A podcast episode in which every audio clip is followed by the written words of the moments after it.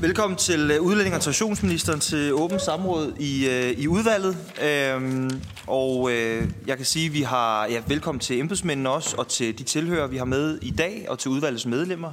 Det er også sådan, at øh, retsudvalget er inviteret til at deltage i det her samråd, og vi har Venstres Mads Fugled med på Teams. Samrådsspørgsmålet er stillet efter ønske fra Mikkel Bjørn fra Dansk Folkeparti, og der er afsat en time til samrådet. Og nu får Mikkel Bjørn mulighed for at motivere samrådsspørgsmålet. Værsgo, Mikkel. Tak for det. Øh, vi har indkaldt ministeren i samråd i dag, øh, fordi der har været en lang række historier øh, om utallige brud på både melde- og opholdspligten på danske udrejsecenter, hvor hårdkogte kriminelle, dem der sidder på Kærsudgård i dag, det er jo voldtægtsforbrydere, bandekriminelle, det er terrordømte, simpelthen ikke opholder sig på udrejsecenteret, men farer land og rige rundt øh, og ovenikøbet i købet begår ny kriminalitet.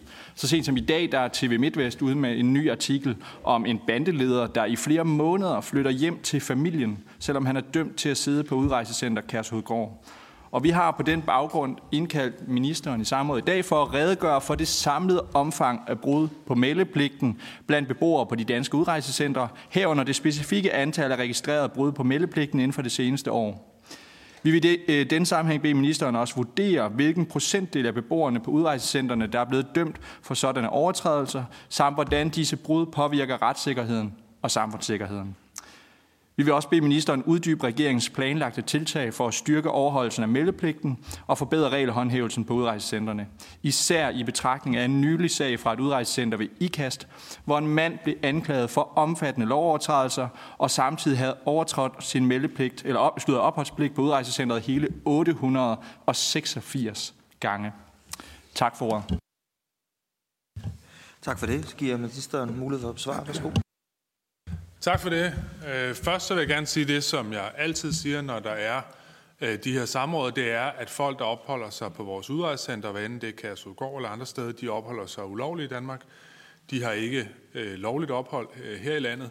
Øh, og det, som folk først og fremmest skal gøre, hvis man sidder på et udrejsecenter, det er øh, at tage beslutningen om at ville vende hjem øh, til det land, hvor man hører til. Øh, og det øh, er den eneste øh, langsigtede løsning på øh, problemerne på udrejsecenterne, det er, at folk beslutter sig for ikke at være i Danmark, når de ikke har noget lovligt ophold. Det er jo en dårlig nyhed i sig selv, at der er så mange, der ikke gør det. Men samtidig er der en god nyhed, som er, at siden 2019 så er antallet af folk, der er i den position, betragteligt faldet fra cirka for afviste asylansøgere, cirka 1150, til i dag cirka 420. Så det går under denne her regering og den forrige regering den rigtige vej. Vi lykkes med at få langt flere, der ikke har lovlig ophold i Danmark, til at rejse ud af landet. Og det er selvfølgelig øh, også en del af historien. Og den eneste måde, vi kan løse det her problem på lang sigt, det er at sørge for, at alle dem, som ikke har lovlig ophold, som er på Kærsudgård og andre udrejsecenter, at de øh, aktivt træffer beslutninger om øh, at rejse ud af landet, øh, fordi de har ikke nogen fremtid øh, her i Danmark. Så det er bare helt overordnet, det synes jeg er vigtigt at sige, hver gang vi har den her diskussion, det er den eneste rigtige langsigtede løsning. Så i forhold til øh, spørgsmålet mere specifikt, og jeg skal beklage, det kan blive lidt teknisk, men øh, jeg tror, det er vigtigt at, at komme ned i detaljerne omkring kontrollen med de indkvarterede, for også at kunne besvare det her samrådsspørgsmål på en ordentlig måde. Udlændinge, der ikke opholder sig lovligt i Danmark, er som udgangspunkt pålagt kontrolforpligtelser. Det vil sige meldepligt, som samrådsspørgsmålet går på, men også opholdspligt og i nogle tilfælde også underretningspligt. Meldepligten indebærer, at udlændingen fysisk skal melde sig til myndighederne – det er blandt andet øh, afviste asylansøgere, der ikke medvirker til udrejse, og kriminelle udviste. De skal øh, som udgangspunkt melde tre gange uligt. Hvis det drejer sig om folk, der er på tålt ophold, så skal man som udgangspunkt melde dagligt. Opholdspligten indebærer, at udlændingen skal bo og overnatte på det udrejsecenter, hvor de er indkvarteret. Og så er der underretningspligten, for eksempel for udvisningsdømte og udlændinge på tålt ophold. De skal give besked om, hvis de opholder sig uden for centret, mellem kl. 23 om aftenen og kl. 6 om morgenen. Kontrolforpligtelserne skal blandt andet motivere udlændingen, motivere udlændingen til øh, at sende et klart signal om, at de skal rejse ud.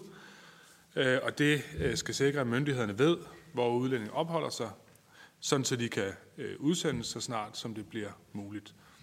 Det er centrale redskaber for myndighederne i udsendelsesarbejdet, men udlændinge med kontrolforpligtelser på udrejsecentrene er ikke frihedsberøvet, og udrejsecentrene er ikke fængsler. Så de her udlændinge kan, selvom de ikke opholder sig i Danmark med min gode vilje, frit komme og gå på udrejsecenter, så længe de overholder deres kontrolforpligtelser. Vi må nok sande, at der er nogle af de udlændinge, som ikke vil indordne sig under hverken afgørelsen om, at de skal rejse ud af Danmark, eller øh, overholdelse af kontrolforpligtelser. Det tager regeringen alvorligt, og jeg er glad for, at myndighederne fører en effektiv kontrol med, om udlændinge bor på udrejsecenterne og overholder deres pligter. Og for de udlændinge, som ikke overholder deres pligter, bliver det anmeldt, og der er relativt hårde straffe øh, for ikke at gøre det. Rigsadvokaten besluttede 1. december 2020 midlertidigt at suspendere brugen af data fra det elektroniske adgangs- og meldepligtsystem som teknisk bevis i straffesager. Hjemrejsstyrelsen har på den baggrund iværksat en manuel kontrol med kontrolforpligtelserne. Der anvendes fortsat biometrisk nøglekort med fingeraftryk ved udgang og indgang på udrejsecenter Kasudgård.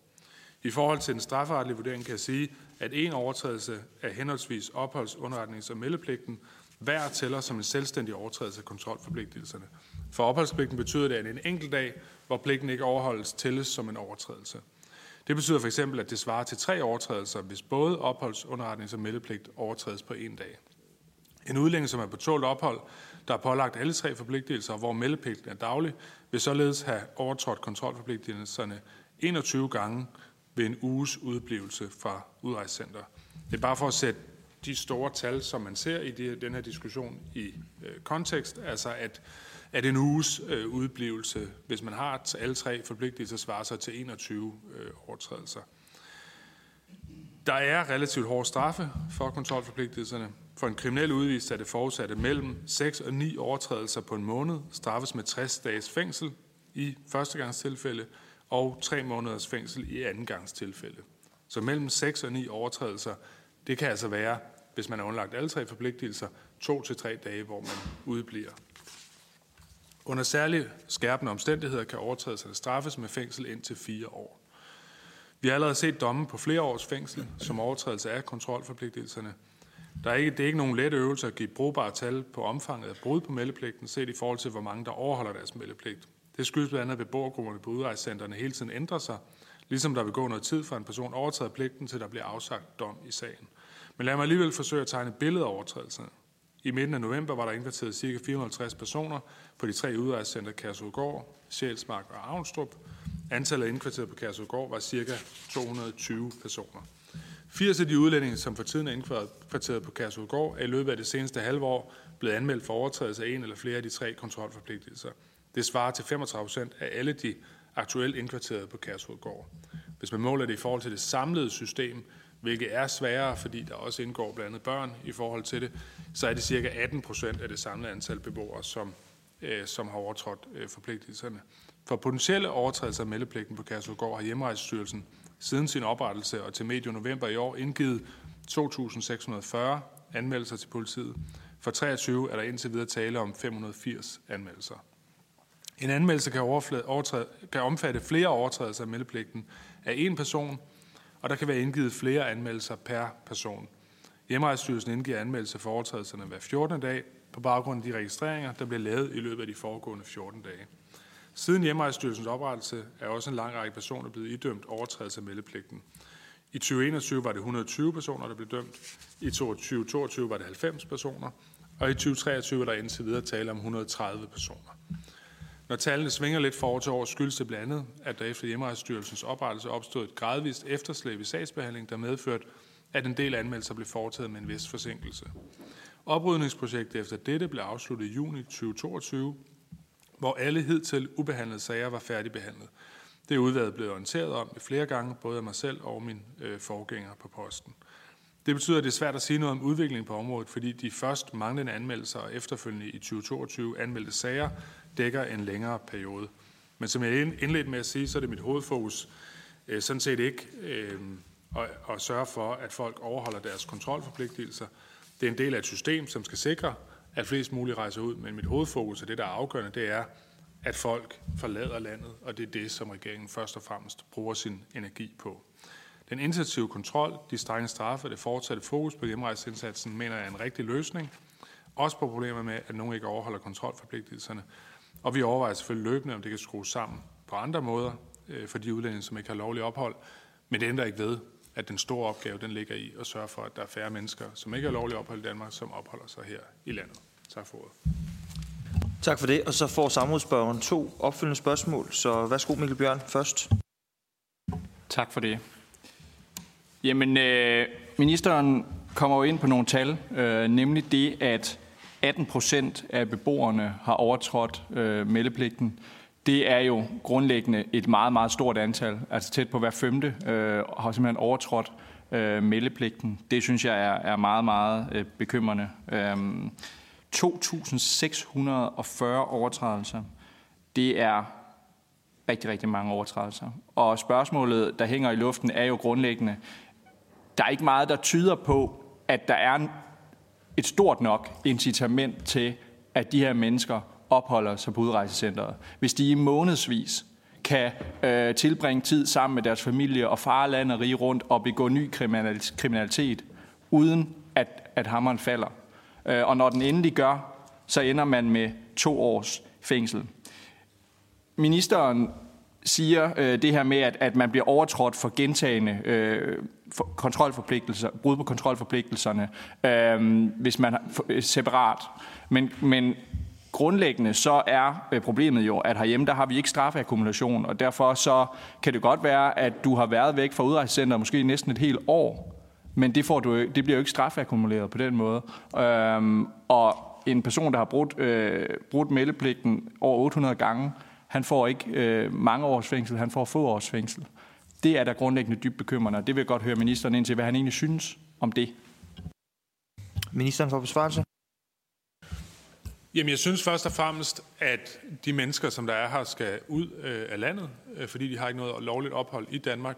Så synes jeg dernæst, at hvis man ser på strafferammerne for overtrædelse af kontrolforpligtelserne, at de er relativt skrabe. Fire års fængsel er øh, en hård dom øh, i Danmark, øh, og der er mange kriminalitetsformer, som jeg synes er øh, meget, endda meget alvorlige, som, øh, som har straframmer, som er lavere end det.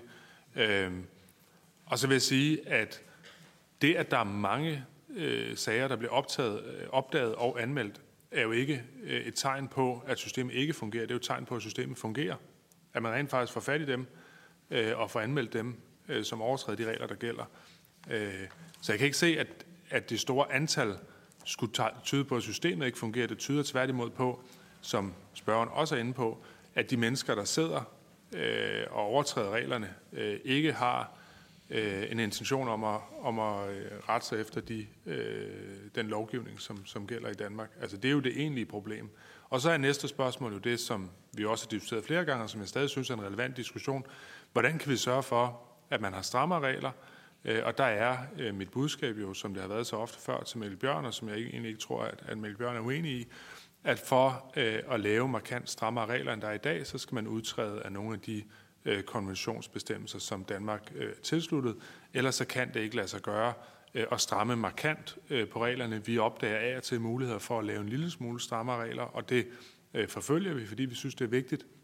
Men særligt for Kærshovedgård, som jo er øh, der, hvor der er øh, den, den skrappeste øh, kontrol, fordi det er der, øh, også banditterne sidder, øh, der er der øh, ikke mange muligheder tilbage inden for konventionernes øh, ramme, og det tror jeg er vigtigt at, at huske på i den her diskussion, øh, når, når nu øh, det forventeligt, som det plejer at være, er sådan, at partier, der støtter konventionerne, alligevel ønsker markant strammere øh, regler på det her område, jamen så er svaret herfra, kan jeg sige på forhånd, øh, at, øh, at det er simpelthen utrolig svært at gøre. Og der er den eneste mulighed, det som, som Dansk Folkeparti også gerne vil, men som vi i regeringen ikke vil, at man, at man fratræder nogle af de konventioner, vi har tilsluttet os. For hr. Mikkel Bjørn, andet spørgsmål. Tak for det. Jamen, jeg er helt enig med ministeren i, at Dansk Folkeparti's løsning er den eneste løsning på det her problem, og du ikke kan lave øh, markante stramninger på det her område, uden at, øh, at gå på kompromis med nogle af de konventionsbestemmelser, der giver de her mennesker ret til at fare land og rige rundt. Og det er der, bare, bare der, hvor mit ydmyge spørgsmål er, hvordan er det rimeligt, at folk, der er dømt til udvisning af Danmark for forskellige typer kriminalitet, såsom voldtægt, bandekriminalitet, terror, at de farer land og rige rundt og begår ny kriminalitet, tilbringer øh, tid i lokalsamfundet øh, og, og sammen med deres familie, når de skal sidde på et udrejsecenter. Altså det er da grundlæggende, ja, hovedrystende. Øh, og et enkelt eksempel her på den her udviste tjetjener, ikke? der, der bliver anholdt i sin mors øh, lejlighed øh, med flere kilo hård narkotika og en million kroner i kontanter. Altså, det er jo dybt, dybt kriminelle mennesker, som overhovedet ikke har noget incitament til hverken at sidde på udrejsecentret eller udrejse. For det kan vi jo se. De farlander rige rundt og laver alt muligt andet. Øh, og og øh, det, det, der undrer mig også, øh, hvis, vi, hvis vi så rent faktisk taler inden for konventionernes rammer, det er, hvorfor øh, lærer politiet ham, og det kan der være gode årsager til, men jeg kan ikke lige se dem, hvorfor lærer politiet ham i to tilfælde gå, efter de har anholdt ham, øh, i stedet for at sætte ham i politibilen og køre ham direkte øh, til Kærshovedgård. Øh, det, det, svaret øh, er blandt andet, det er fordi hjemrejsestyrelsen ikke har anmeldt manden til politiet. Prøv at høre, manden er dømt til udvisning af Danmark. Det er fuldstændig ligegyldigt. Han skal sidde på udrejsecenter. Det er besluttet.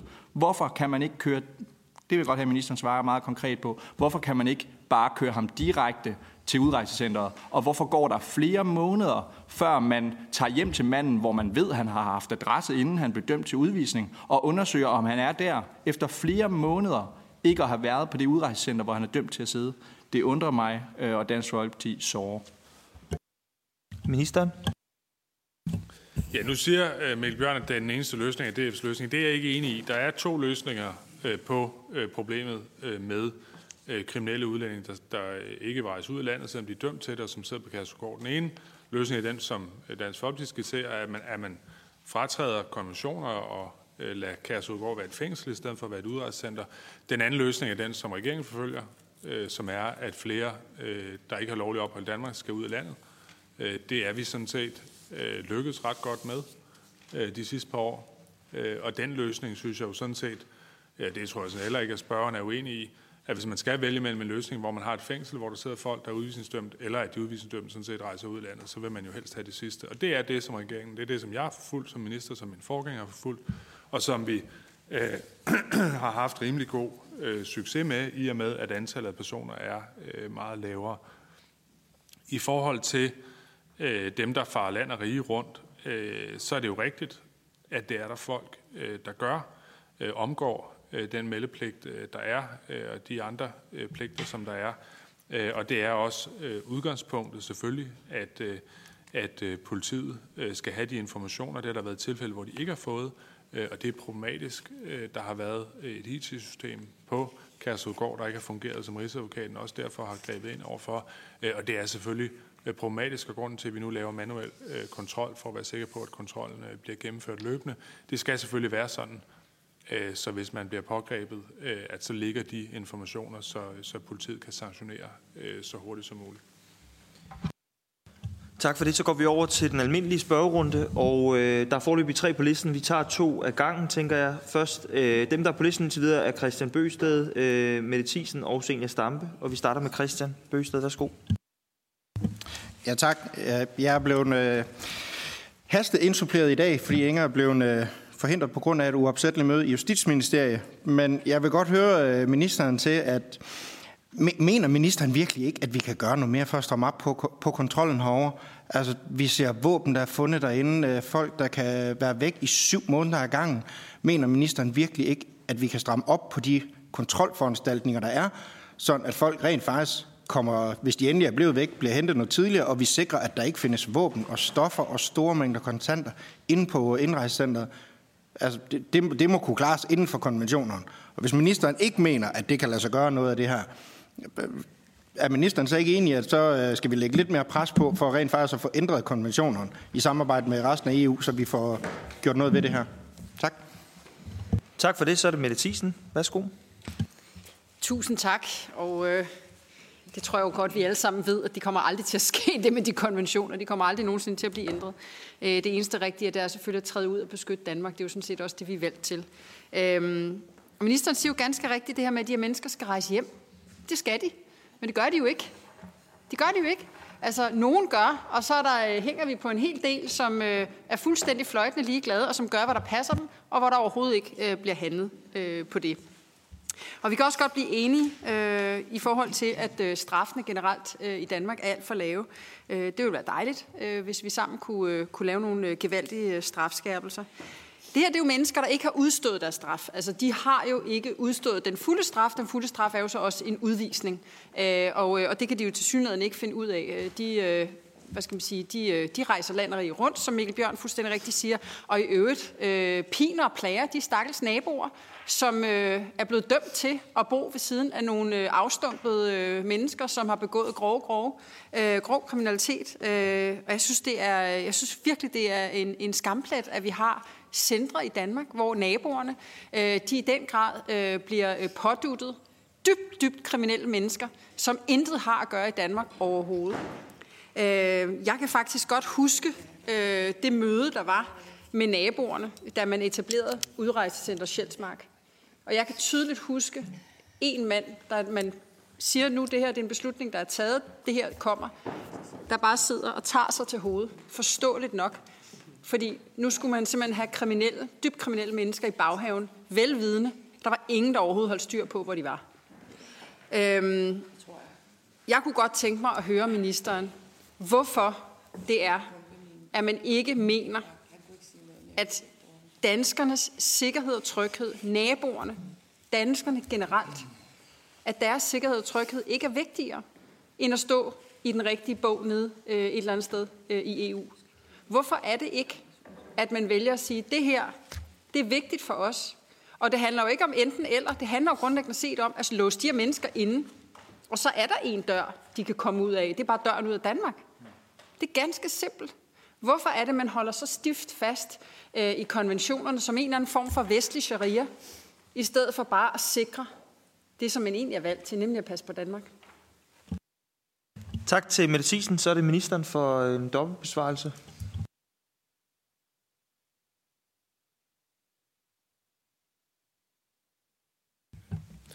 Ja. Vestlig sharia, det har, det har jeg ikke hørt før. Øh, det, øh, så om ikke andet, så øh, point for opfindsomheden. Øh,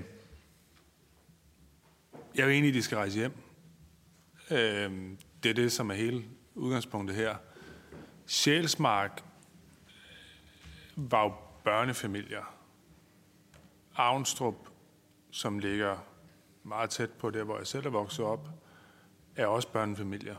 Der oplever man jo ikke det samme. Altså, jeg synes, det er vigtigt at sætte de to ting øh, i relief. For beboerne omkring Kærsudgård er det her et stort problem, og øh, en oplevelse af utryghed, som man har vedvarende, og som jeg synes, vi har taget nogle initiativer til øh, at gøre bedre, og som vi selvfølgelig kommer til at fortsætte med at arbejde for, så de kan have øh, et fredeligt familieliv, at man ikke skal være bange for at have sine børn eksempelvis øh, til selv at tage hjem fra fodbold, eller hvad det kan være, fordi man er nervøs for, om de møder nogen på vejen, der, der er i denne her kategori af folk, som, som, er, som er kriminelle og, og udvisningsdømte.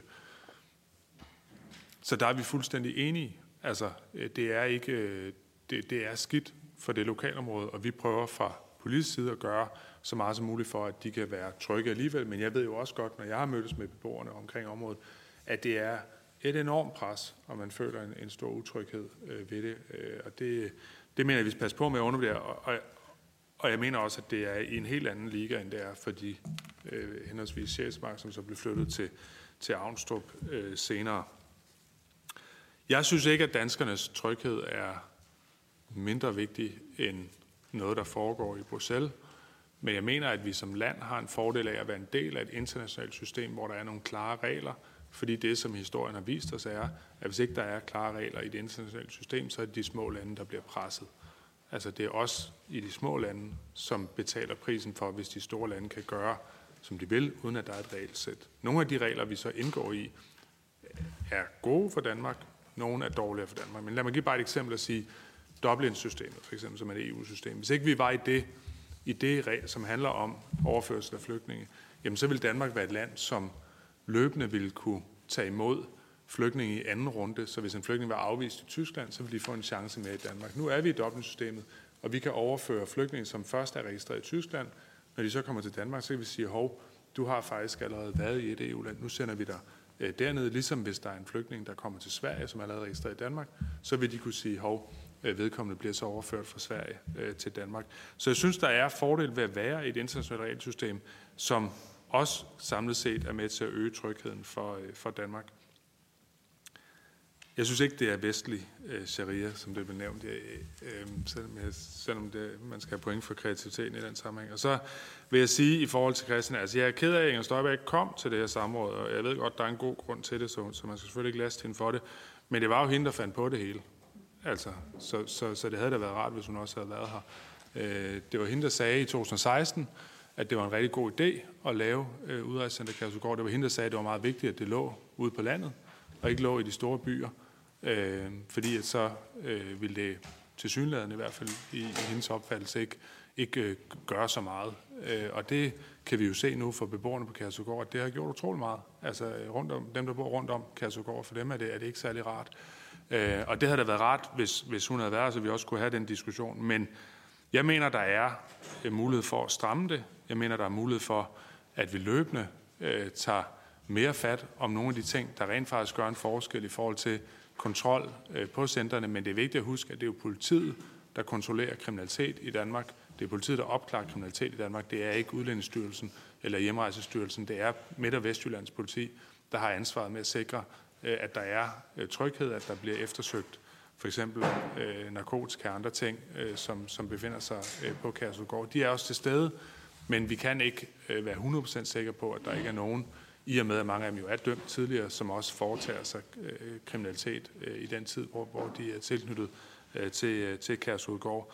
Jeg mener, der er mulighed for løbende bliver vi opmærksom på forhold, der gør, at vi kan stramme reglerne, og det gør vi så også. Men, men, øh, men sådan fundamentalt at ændre det, eller overgå til sådan en fængselslignende øh, foranstaltning, øh, det kan vi ikke gøre øh, inden for de konventioner, som vi har tilsluttet os. Øh, det kan ikke lade sig gøre. Tak for det. Så går vi videre i rækken. Så er det Senior Stampe fra Radikale Venstre. Værsgo. Øhm, først så, så kunne jeg godt tænke mig at høre, om vi kunne indkredse personkredsen lidt mere nøjagtigt, fordi at øh, vi hørte, at det drejer sig om 80 personer, og så kunne jeg ikke helt forstå, at der var noget med, at det både udgjorde 30 procent, men også 18, afhængig af om man tæller børn med. Det kunne jeg måske godt tænke mig bare lige at få forklaret, for helt at forstå det. Men ud af de her 80 personer, ved vi så, hvor mange der er afviste asylansøgere, og hvor mange der er udvisningsdømte tidligere kriminelle. Det er den ene ting, øh, og det er bare lige for at være helt præcis på, hvem der er, der rejser land og rige rundt. Fordi nu hører vi det voldtægtsforbrydere og narkokriminelle, og øh, det er det givetvis også, men det er det øh, nok ikke kun.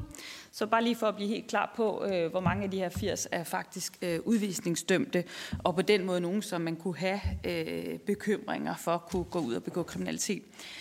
Øhm, så kunne jeg også godt tænke mig at, at høre ministeren bekræfte, øhm, at det jo sådan set ikke hører under ministerens ressort at sikre retshåndhævelsen på det her område. Sådan som jeg forstår det, så er det øh, hjemsendelsesstyrelsen, der skal indberette overtrædelser af de her kontrolforanstaltninger.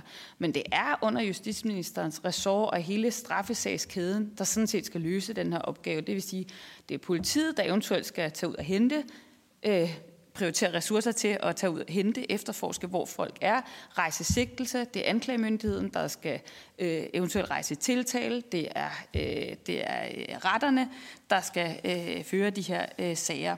Øh, det er eventuelt øh, fængslerne, der så efterfølgende skal øh, opbevare de mennesker, der så måtte blive øh, dømt en frihedsberøvelse for at have overtrådt de her kontrolforanstaltninger.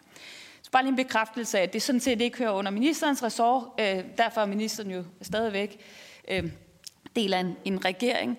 Øh, og, og derfor så det spørgsmål, jeg så også kunne tænke mig at, at stille. Ministeren skal jo nok i virkeligheden stille et opfølgende spørgsmål til justitsministeren, nemlig, hvad er ressourceforbruget egentlig i hele straffesagskæden på den her problemstilling? Øh, men det tænker jeg egentlig ikke, at ministeren kan, kan svare på.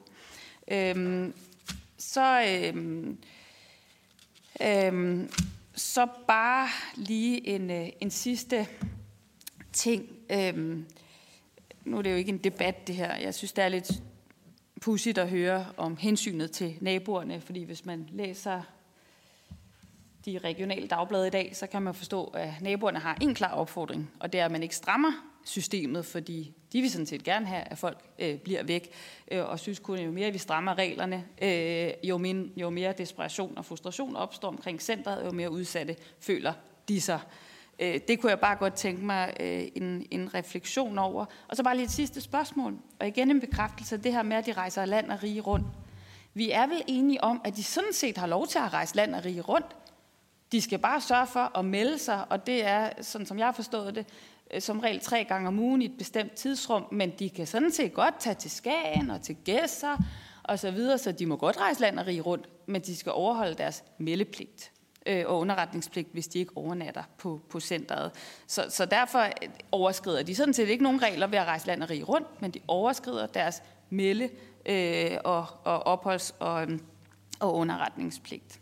Jeg beklager, hvis det var lidt mange spørgsmål. Tak til Signe Stamme. Så er det Mikkel Bjørn. Værsgo. Tak for det. Øh, jamen, jeg har dels ikke. Øh, først og fremmest synes jeg jo lidt, det er øh, ko, komisk ali, øh, fordi øh, minister bare for, altså minister nævner Dublin-konventionen for eksempel, som er en, et eksempel på, at konventionerne gør noget godt for os, fordi at øh, ellers, ellers ville vi være tvunget til at tage imod folk i anden runde. Øh, altså først og fremmest så modtager vi flere, end vi, vi sender ud på grund af Dublin-konventionen i øjeblikket. Dernæst så er den eneste årsag til, at folk ville kunne søge i anden runde, hvis vi udtrådte af, af Dublin-konventionen. Det er jo på grund af en anden konvention, nemlig flygtningekonventionen. Så, så hvis vi ikke, hvad skal man sige, over, hvis vi øh, trådte ud af de konventioner, Dansk Folkeparti ønsker, vi træder ud af, så vil vi jo ikke være nødt til at tage folk, øh, mod folk i anden runde. Så altså, det, er, det er jo sådan lidt en total cirkelslutning, der ikke giver nogen som helst øh, mening. Øh, så er jeg lidt nysgerrig på øh, det her med, at ministeren øh, indledningsvis øh, nævner det her med, hvor mange der sidder på udrejse, altså hvordan faldet har været i dem, der sidder på udrejsecenter i dag. Øh, er det sikkert, at, at det fald, øh, at alle, øh, der, der er årsag til det fald, skyldes, at de rent faktisk er udrejst? Eller kan det også skyldes, at de er gået under jorden, ganske enkelt fordi de har forladt udrejsecenteret, sådan som vi ser mange af dem øh, gøre?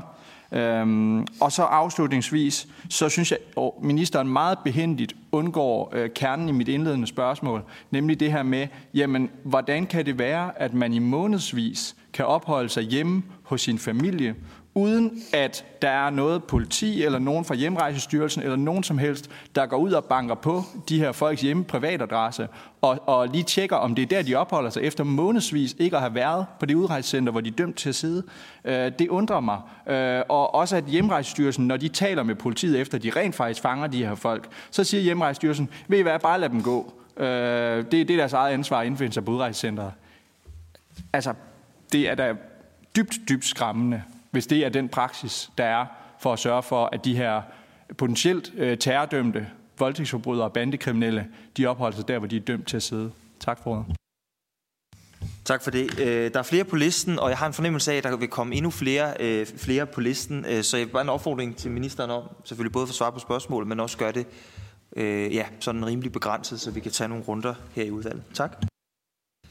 Jeg skal prøve, nu talte jeg otte spørgsmål her i den her runde, så, så jeg skal prøve at, at svare begrænset, men, men, øh, men prøve at være effektiv. Uh, først i forhold til, til Senior Stampe. Altså de 80 personer, jeg, jeg har det ikke med mig her i dag. Jeg vil gerne prøve at høre, om vi kan få det penslet lidt ud. Altså min umiddelbare opfattelse vil være, at, at det nok primært er folk, der, der er betalt ophold eller udvisningsdømte, men, men det kan selvfølgelig også være, der imellem dem er en gruppe af, af folk, der er afviste asylansøgere. Tallene, som jeg nævnte i starten, skulle forstås på den måde, at af de Altså af dem, der er på Kærsudgård, er det cirka 35 procent, der har overtrådt øh, kontrolforpligtelserne. Det er på Kærsudgård langt størstedelen. 90 procent af alle overtrædelser er, eller anmeldelser af overtrædelser er på Kærsudgård. Men hvis man regner i forhold til også Avnstrup og Sjælsmark, jamen så er procentdelen selvfølgelig lavere, så ligger den omkring 18 procent, fordi der foregår ikke så mange overtrædelser på de to andre center. Det er jo, det er jo en anden type beboere, som, som, som Sine Sambo også selvfølgelig ved.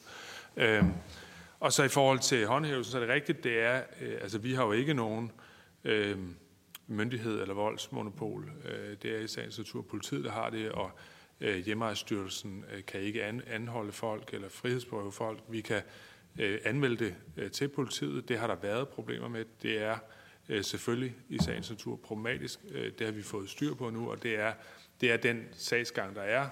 Hjemrejsstyrelsen eller øh, en af operatørerne melder ind til øh, politiet, hvad der er, anmelder de overtrædelser, og så er det deres arbejde videre.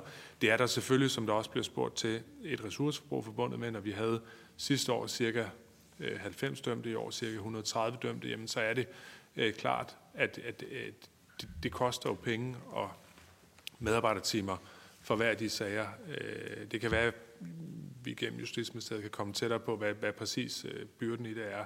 Men, men det er klart, øh, hver domsfældelse er jo i sig selv dyr for samfundet. Så hvis man ikke havde de regler, ville det åbenlyst være billigere, men jeg mener så sådan politisk set, at, at der så ville være nogle andre ulemper, at vi reelt ville få en større ophobning af beboere i udrejsesystemet, hvis ikke der også var konsekvenser ved at overtræde det. Men det er selvfølgelig en politisk afvejning. Øhm, jeg er enig i, at naboerne som udgangspunkt ikke er interesseret i, at folk er på Kærsudgård. De sådan set øh, øh, vil være godt tilfreds med, at folk i stedet opholdt sig i Gellerparken, eller, eller hvor man ellers er henne. Øh, men, men for mig som minister er det, er det magtpålæggende, at folk er på Kærsudgård, fordi det er sådan, systemet er indrettet. Øh, og, og der er jeg selvfølgelig i konflikt med, med de beboere, som jo hellere vil have en anden løsning, end at Kærsudgård var, var samlingssted for hele landet for øh, folk på tålt ophold og udvisningsdømte. Og så, øh, som det også rigtigt nok bliver sagt, jamen det er ikke frihedsberøvelse. Hvis man er på tålt ophold, skal man selvfølgelig melde sig hver dag.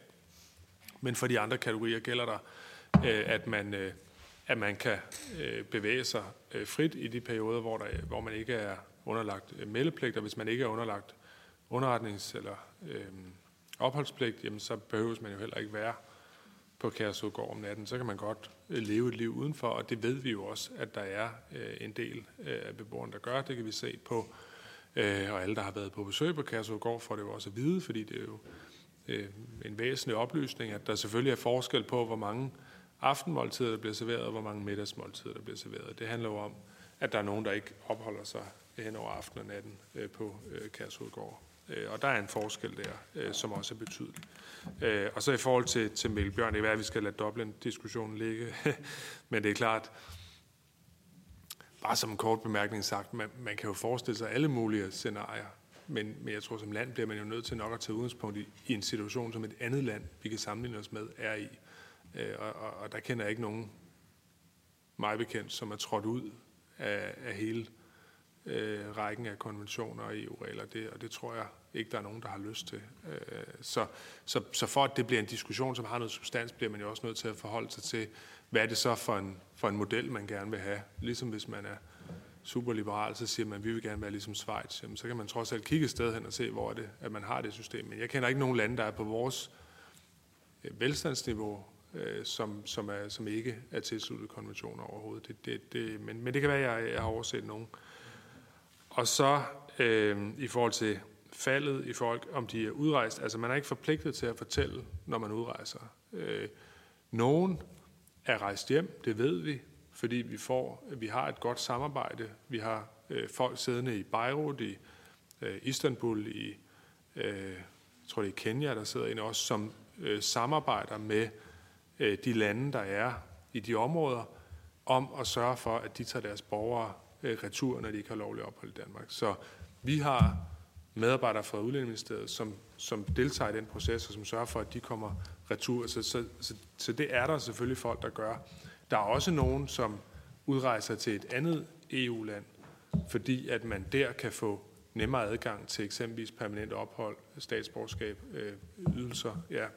Øh, Tyskland er nævnt flere gange. Jeg har ikke en præcis opgørelse over det, men, men det er sandsynligt, at det har sandsynlighed for sig, at der i Tyskland findes en del folk, som før øh, har siddet i, i det danske øh, udrejsesystem, fordi man i Tyskland har en meget mere lempelig øh, tilgang til det, at man har cirka 300.000 mennesker, som ikke har lovlig ophold, men som alligevel befinder sig i Tyskland, og at man får statsborgerskab nærmest automatisk efter fem år. Så det er klart, det, det kan jo virke attraktivt for mange mennesker at, at være der, i stedet for at være øh, i Danmark.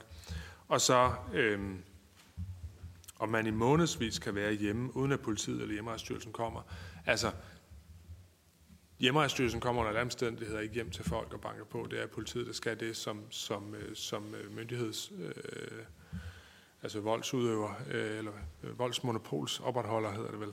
Øh, og det, øh, det vil skulle være politiet, der skulle hente folk. Når det her system fungerer, så får vi jo indberetningerne, og så kommer der en anmeldelse, og så tager politiet den op, og det er vi selvfølgelig opmærksom på sammen med Justitsministeriet. Øh, det skal fungere. Der har været fejl, som også har været alvorlige, øh, og det er det, som vi gerne vil rette op på. Tak for det. Øh, nu kan jeg se, der er på til, vi kan tage, vi tager, vi kan tage to runder. Jeg håber, vi kan, vi kan slutte sådan omkring fem i, så øh, Mikkel Bjørn kan få øh, den sidste runde. Øh, det er det, vi går efter. Pia Kjærsgaard, så Christian Bøsted bagefter. Tak for det. Jo, men, men øh, jeg sidder på en dag som denne, hvor vi ikke rigtig ved, det ved vi først omkring 13-tiden, hvad det egentlig er, der sker i Danmark. Vi skal ikke øh, bedømme på forhånd, hvad det er, der er sket, men man kan jo tænke sit.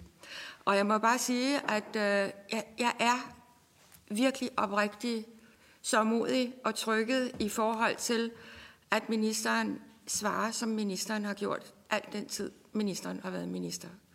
Altså, hvornår skal vi have det på den hårde måde, før det går op for os, at det er ravruskende galt, ikke alene i Danmark, men i Europa. Og jeg må sige, at det omkring konventionerne, det har i mange, mange år været en hjertesag for Dansk Folkeparti. Jeg tror, det er 15, 16, 17, 18 år siden, at øh, det for første gang blev sagt fra mig til politikken, og hvor øh, Birte Røn Hornbæk øh, bad Anders Fogh om at komme hjem fra Frankrig. Det var en sommer for at sætte mig på plads. Det var ret morsomt i al sin tragedie. Men, øh, men den, øh, den er der jo stadigvæk, og, og jeg må sige, inden det sker, inden vi tager en alvorlig drøftelse af det, så fortsætter det og fortsætter og fortsætter. Vi kan fortsætte med barnebrudet. Vi kan fortsætte med Kærshovedgård, hvor vi ikke kan spærre dem inde. Altså det er, det er uafladeligt hele tiden. Og, og jeg, jeg er meget, meget jeg er virkelig, øh, jeg er virkelig så modig i dag, og det, det synes jeg, vi alle sammen har grund til at være. Og det synes jeg, ministeren og regeringen har et kæmpe, kæmpe, kæmpe, kæmpe ansvar. Øh, og vi bliver bare nødt til, altså nu, vi har selv brugt det, også i vores kampagne, rejse hjem. Jeg kunne godt bruge noget, der var meget hårdere, smide dem ud på, også fortsætter jeg ikke, men man ved godt, hvad jeg mener. Altså afsted med jer, simpelthen, i håndlås og benlås, og jeg er fuldstændig ligeglad med tape for munden. Afsted. Øh, og, og det må jeg bare sige, jeg er kommet dertil, øh, hvor jeg synes, det er grotesk. Og det er jo bekymringsfremmende, netop som ministeren siger, at, øh, og, og jeg, jeg skyder ikke på nogen, jeg siger bare, at den tidligere minister, Inger Støjberg jo også, jeg kan huske, hun viste Kærshoed går frem for en nordisk delegation med pomp og pragt og en masse embedsmænd, og var utrolig stolt af den. Jeg tror ikke, det er tilfældet i dag. Og det er bare for at sige, hvorfor kommer vi altid for sent? Og det er bare det, jeg bliver nødt til at sige til ministeren. Lad nu være at komme for sent denne her gang. Altså, det, det går simpelthen ikke mere, det her. Det gør det ikke. Europa er også mere eller mindre i oprør. Jeg tror, det bliver mere og mere og mere. Og Danmark på et tidspunkt, øh, lader vi måske lade være med at være så lalleglade, altså, og bare tro, det hele går, for det gør det ikke. Øh, og, og øh, jeg synes, at ministeren skulle, skulle vise sig som en udvisningsminister, i stedet for en integrations- og udlændingeminister, ærligt talt. Og jeg mener det virkelig. Og jeg bliver nødt til at få et klart svar fra ministeren. Ikke bare, at det gør vi ikke, så længe andre lande ikke gør det. Men i forhold til konventionerne, hvornår sker der noget? Altså om ikke andet, at øh, ministeren tager det til sig, finder ud af, hvad kan man egentlig gøre, træde ud. Man vil nok helst prøve at revidere i sammenhæng med en hel masse andre lande. Det vil tage tid, hvis det overhovedet sker. Men det, jeg trænger til nu, det er bare, det kan ministeren gøre ganske kort for os, for at give anledning til andre spørgere det er i forhold til konventionerne. Er der håb? Er der et lys for regeringen og ministeren? Tak. Tak for det. Og nu øh, har mi, ministerens øh, folk meddelt, at øh, vi faktisk kan gå lidt øh, over tid øh, af hensyn til, øh, til, til, til de mange spørgere. Men som Pia Kærsgaard sagde, der er også et pressemøde, så det må udvalget jo også vurdere, hvor, hvor langt vi trækker den. Øh, Christian Bøsted, så er det ministeren bagefter. Tak. Jamen, øh, ministeren startede egentlig med at snakke om, at øh, ministeren og regeringen arbejder for, at de skal rejse hjem, og det er vi jo helt enige i, at de skal rejse hjem, hvis det er det, de øh, har fået at vide, de skal. Og ministeren nævner, at der er alle de her øh, incitamenter, man presser på med for at få dem til at rejse hjem. Men jeg synes ikke rigtigt, at jeg har hørt fra ministeren og regeringen, hvad er de incitamenter så? Hvad er det, man presser på med for at sørge for, at de rejser hjem? Jeg synes egentlig mere, at jeg hører en undskyldning om, at øh, det var ikke os, der øh, oprettede det. det var ikke, øh, vi vil ikke træde ud af konventionerne. Vi må ikke stramme på grund af konventionerne. Hvad, hvad er det så, ministeren og regeringen faktisk øh, kommer med? Så altså, det, det, det kunne jeg godt tænke mig at få lidt øh, svar på fra ministeren. Hvad er det, man kommer med for at øge incitamentet til, at de rejser hjem? Ministeren? for det, øh, og så vil jeg sige, øh, først til det spørgsmål, der er øh, fra Pia Kærsgaard, om der er håb, så vil jeg sige, at der er et lille håb for, at vi kan få ændret de her konventioner, men jeg vil ikke sidde her og bilde folk ind, at, at så snart som vi har udnævnt en ambassadør, nej det, nej, det kan jeg ikke, jeg vil ikke love, at det kommer til at blive forandret grundlæggende, for det tror jeg tager rigtig lang tid. Og jeg mener, hvis vi fortsætter med den samme hastighed med at sende folk ud af landet, som vi gør nu, så er de her folk jo hjemme, før man får ændret de konventioner.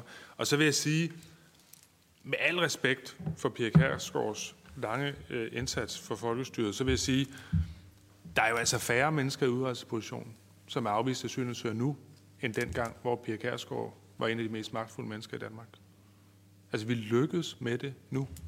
At sende de her folk hjem og sørge for, at der er 420, det er det laveste antal, så længe som man har målt det, også lavere end i nullerne, dengang, hvor Pia Kærsgaard var et af de mest magtfulde mennesker øh, i Danmark. Så det er vores metode til at gøre det her, og den virker jo.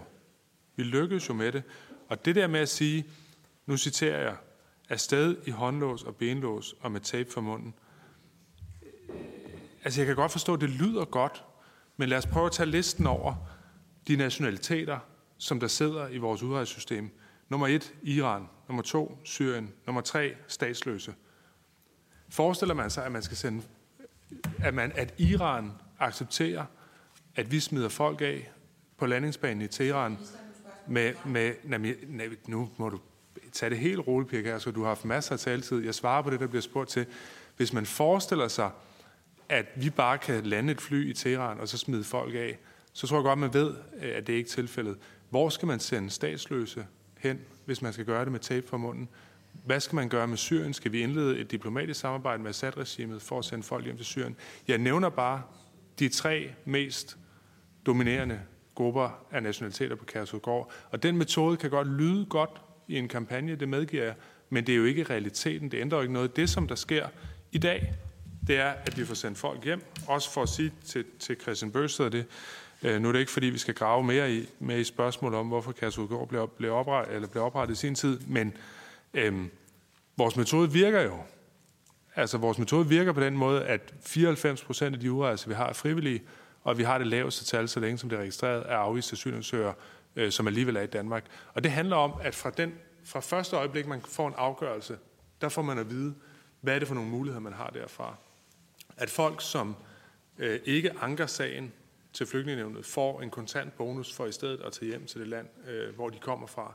At man hele tiden gør folk opmærksom på, hvad er dine skridt, hvad er dine muligheder herfra. Og at vi også fra myndighedernes side holder fast i, at man kan ikke vente. Altså man kan ikke sige, hvis jeg bare venter nogle år, så får jeg alligevel opholdstilladelse. Men at vi står fast på at sige, at det kan man ikke. Man skal blive øh, på Kærsudgård eksempelvis, øh, så længe som man er i Danmark, fordi at det jo ikke er en tilværelse, som folk synes er særlig attraktiv, sammenlignet med det, der er tilfældet i rigtig mange lande rundt om i Europa, Tyskland og Sverige, for bare at nævne et par, øh, hvor man siger, at hvis du afviser asylansøger, så kan du bevæge dig rundt, som du vil, så kan du måske have et arbejde, øh, bo hos nogle venner osv., og så får man jo som i Tyskland cirka 300.000, som i Sverige cirka 30.000. I Danmark har vi afviste asylansøgere, som er her cirka 420. Altså, det, det, det, der, det jeg læner mig op af, er, at den metode indtil videre har vist sig øh, at virke, øh, og jeg vil gerne beskrive den mere i detaljer, øh, øh, bare for at sige, at jeg, jeg synes, der er noget musik i det. Så er det her Mikkel Bjørn. Værsgo. Tak for det. Øh, jamen, jeg vil godt indledningsvis tage fat i det her med øh, ministeren, der øh, erklærer regeringens store succes med at sende alle de her mennesker ud af landet. Øh, ministeren har lige for få minutter siden indrømmet, at han ikke har noget som helst overblik over, hvor mange af de mennesker, han sidder og erklærer øh, stolt af udrejst af Danmark, der egentlig stadig opholder sig i Danmark. De er her måske stadig mange af de her dybt kriminelle mennesker. De sidder ikke engang på udrejsecenteret, de er måske rundt hos deres familier eller begår ny kriminalitet. Vi aner det ikke. Der er ikke noget overblik over det. Så det, øh, som ministeren fremhæver som regeringens store succes, nemlig at langt, langt øh, flere øh, bliver udrejst end under tidligere regeringer, det er jo et, det er jo et skuespil. Altså, vi aner det ikke. Ministeren har ikke kontrol med det. Og så siger ministeren, øh, hvad forestiller Dansk Folkeparti sig? Vi kan jo ikke sende statsløse ud og sådan noget. Vi kunne lade være at lukke statsløse ind til at begynde med. Det gør, det gør regeringen der, øh, til stadighed. Øh, og og udfordringen i forhold til langt de fleste af de mennesker, der sidder på udrejsecentrene, er jo ikke i første omgang, at deres land ikke vil tage imod dem. Det er, at de ikke selv vil udrejse. Mange af de her, lande, mange af de her mennesker vil ikke selv udrejse. Og derfor så er det, jo, det er jo derfor, at Dansk Folkeparti foreslår, at vi skaber incitamenterne til, at de her mennesker udrejser. Nemlig det incitament, at man sidder på et lukket udrejsecenter, indtil man meddeler øh, udrejse, øh, ansv- den udrejseansvarlige, at nu er jeg faktisk indstillet på at forlade landet, så kan man få en flybillet, og så er det løst. Så det, øh, det vil jeg godt spørge ministeren ind til. Er det ikke det totale maskefald, vi er vidne til her? Er regeringens store succes i forhold til at få udvist flere øh, et rent øh, skuespil? Ved vi overhovedet, om de her mennesker rent faktisk er udrejst, eller opholder de sig måske stadig i Danmark? Øh, og så et, et sidste spørgsmål, fordi ministeren efterspørger substans. Så vil jeg spørge meget substantielt og konkret. Hvor meget kan vi inden for konventionerne hæve strafferammen for brud på opholds- og meldepligten? Så er det Mette Thiesen, og inden Mette Thiesen får ordet vil jeg sige, at klokken helt, der skal Mikkel Bjørn øh, have det afsluttende spørgsmål, og ministeren skal svare, så ministeren kan være ude af døren cirka 5 minutter over helt. Så Mette Thiesen, værsgo. Tusind tak. Jeg vil starte med at sige, at altså, ministeren rejser rundt med sådan en, en småhistorieløs øh, fortælling om, hvor fremragende Socialdemokratiet og den nuværende regering er i forhold til det her. Øhm, altså grunden til, at man ikke fik strammet nok op igennem nullerne, det var på grund af Socialdemokratiet, som jo nærmest var det værre end det radikale venstre, fordi man bekæmpede, bekæmpede med vold og magt, øh, at, at man faktisk fik, fik strammet nok blandt andet Socialdemokratiet. Så jeg er bare nødt til at sige, at den der historieforvanskning, den synes jeg, ministeren skal pakke væk. Og, øh, og ministeren nævner selv, at nogle af dem, der sidder på udrejsecentrene, det er folk fra Syrien. Altså jeg kan godt huske, øh, hvordan det vand, man vandrede op øh, igennem øh, Europa i, i 2015, og, øh, og der var et terrorangreb, øh, hvor at man, øh, man mente øh, også, øh, at, at det var den rigtige løsning at stå og synge John Lennons sange øh, og holde i hånd, øh, og, og så skulle det hele nok gå. Altså det er jo fordi, der har været en vanvittig naiv tilgang øh, til det her igennem alt, alt for mange år, øh, at vi står i den her situation. Og det er jo derfor, vi, øh, vi stiller det her spørgsmål. Altså vi skal ikke kigge til Tyskland, for Tyskland har øh, effektivt, øh, er effektivt i gang med at ødelægge deres eget land med deres udlændingepolitikken. Jeg tror, at vi alle sammen kan huske Merkel, vi har schaffen das. Ja, det gik sgu meget godt, eller hvad? Nej, det gjorde det ikke. Sverige har allerede ødelagt sig selv. Øh, Frankrig er også godt på vej. Altså, det er jo ikke de lande, vi skal sammenligne os med øh, på de her områder. Øh, der skal langt, langt hårdere ting til. Og der har vi heldigvis haft fru Pia Kærsgaard og Dansk Folkeparti igennem mange år til at, øh, at holde trit med det her. Og det er jo sådan set også derfor, vi igen er kanariefuglen i minen. Igen er dem, der siger, at kejseren ikke har noget tøj på. Og igen påpeger de her åbenløse problematikker. Så, minister, vi er nødt til at kigge på, hvorfor det er, at danskerne igen og igen skal belemres med altså, voldskriminelle, dømte udlændinge, som ikke rejser ud. Og det er fuldstændig rigtigt, øh, som hr. Mikkel Bjørn siger, og det øh, er mit endelige spørgsmål. Altså, hvorfor vælger man ikke bare at sige, den rigtige incitamentstruktur for netop at sikre, at nogle af de her mennesker, de rejser væk, det er at sige, nu låser vi jer inde, og hvis I vil rejse, så må I sige til, men I kommer ikke til at kunne rejse rundt i Danmark. Det vil være en fremragende incitamentstruktur.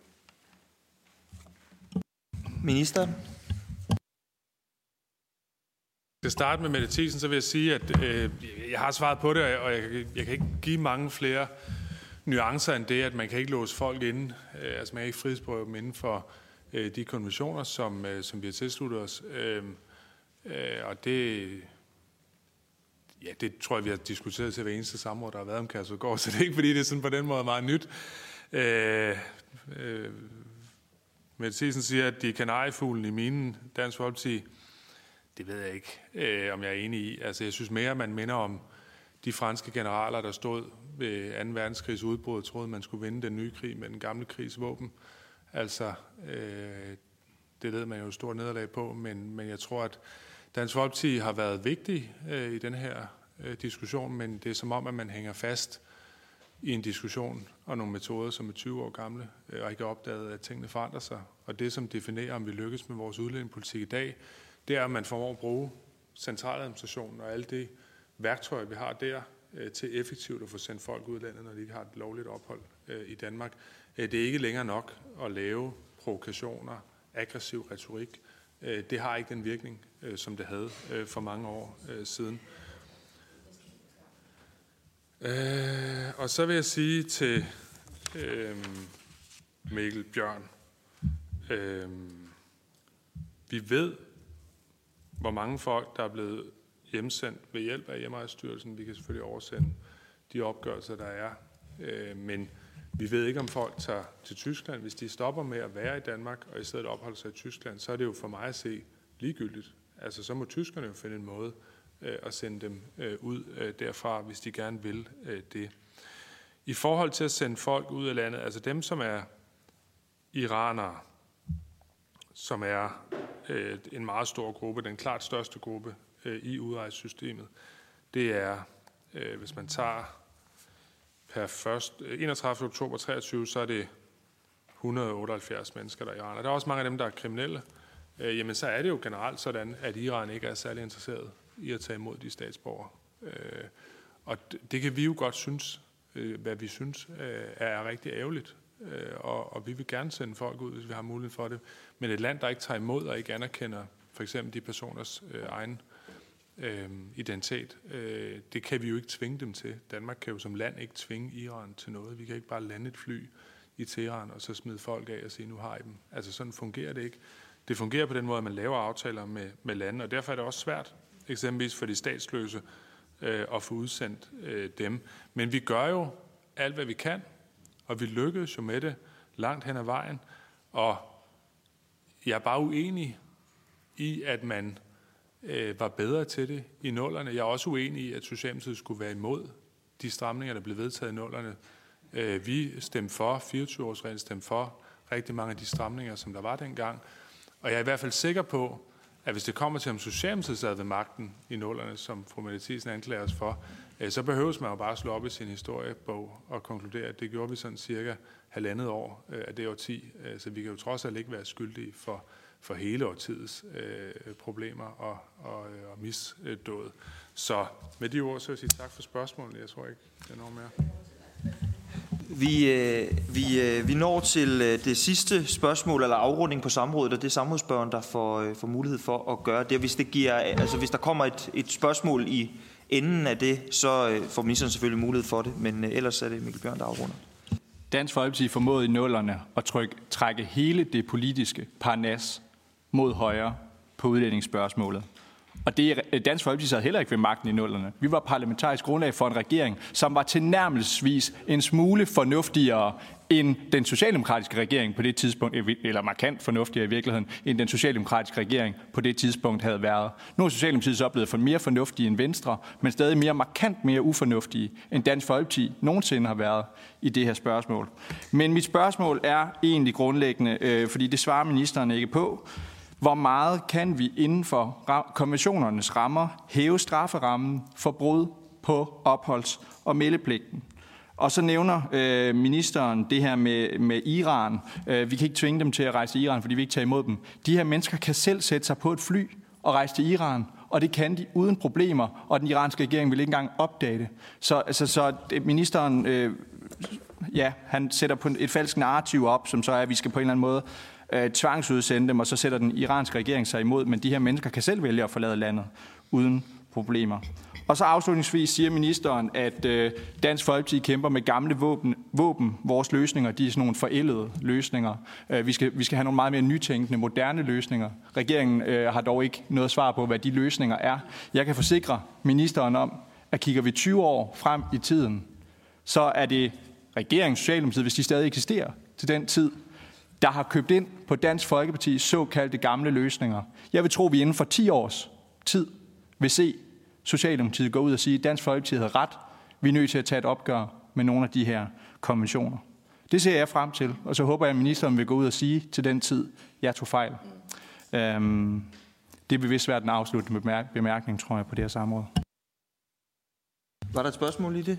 Der var et spørgsmål. Hvor meget kan vi inden for rammerne af konventionerne stramme øh, straffe for, øh, strafferammen på brud på melde- og opholdspligten. Yes, det kan vi godt lige nu. Værsgo. Først, jeg vil bare lige sige, det, det er jo ikke nyt. Dansk Folkeparti har jo flere gange sagt, at de vil være det nye Socialdemokrati, og vil overtage Socialdemokratiets plads i dansk politik. Og det har Søren Espersen sagt rigtig mange gange. Ah, man var medlem dengang, han var der gruppeformand. Men det er endnu ikke lykkedes Dansk Folkeparti at blive større end Socialdemokratiet. Det kan være, det kommer. Hvem ved? Men øh, i forhold til straframmen, jeg følger op på det. Jeg har det ikke med øh, her i dag, det skal jeg beklage. Jeg vil rigtig gerne svare på det. Øh, og i forhold til Iran vil jeg bare sige, det er jo altså ikke kun Danmark, der har den udfordring. Det er alle øh, vesteuropæiske lande, der har den udfordring. Så, så hvis det bare var op, ministeren her, der var en idiot, så kunne det jo løses. Men, men det er til synligheden alle regeringer i Europa fra de mest højorienterede til de mest venstreorienterede, der har den udfordring. Så, så må ikke der tale om et mere generelt problem. Men tak til Mikkel Bjørn for samrådet. Det var en fornøjelse.